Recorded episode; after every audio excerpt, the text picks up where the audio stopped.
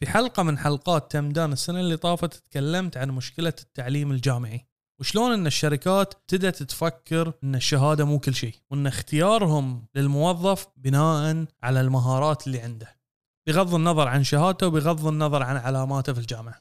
وخلال قراءتي هالسنة في مشكلة الجامعة وشلون إن أمريكا غيرت وصار بالنسبة لهم إن المهارات أهم من الشهادات بعد مصادقة ترامب على هذا القرار شفت إن في مشكلة أساسية في طريقة التعليم.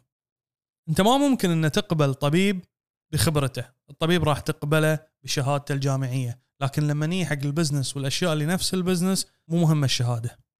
السبب إن التعلم في الطب يعتمد على التجربة. لكن في ال business يعتمد على الكتاب والامتحانات.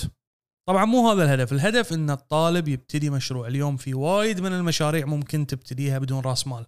لو خلينا الطالب اليوم يبدأ مشروع تجاري عن طريق الإنترنت بدون رأس مال ويتعلم ال business بالتجربة.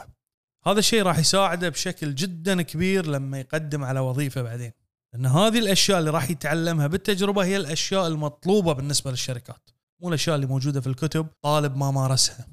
بهذه الطريقة الطالب راح يكون عنده مستوى من البصيرة والثقة من خلال ممارسته لأساليب ال business من تجربة نجاح وتجربة فشل.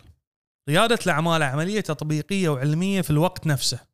لهذا التركيز الكبير في التعليم النظري لطلاب البزنس ما عاد ناجح.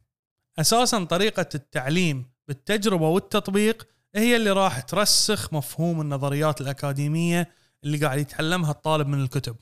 وبطريقة أسهل ممكن الطالب بدل ما يجرب إنه يفتح مشروع ممكن يصمم المشروع.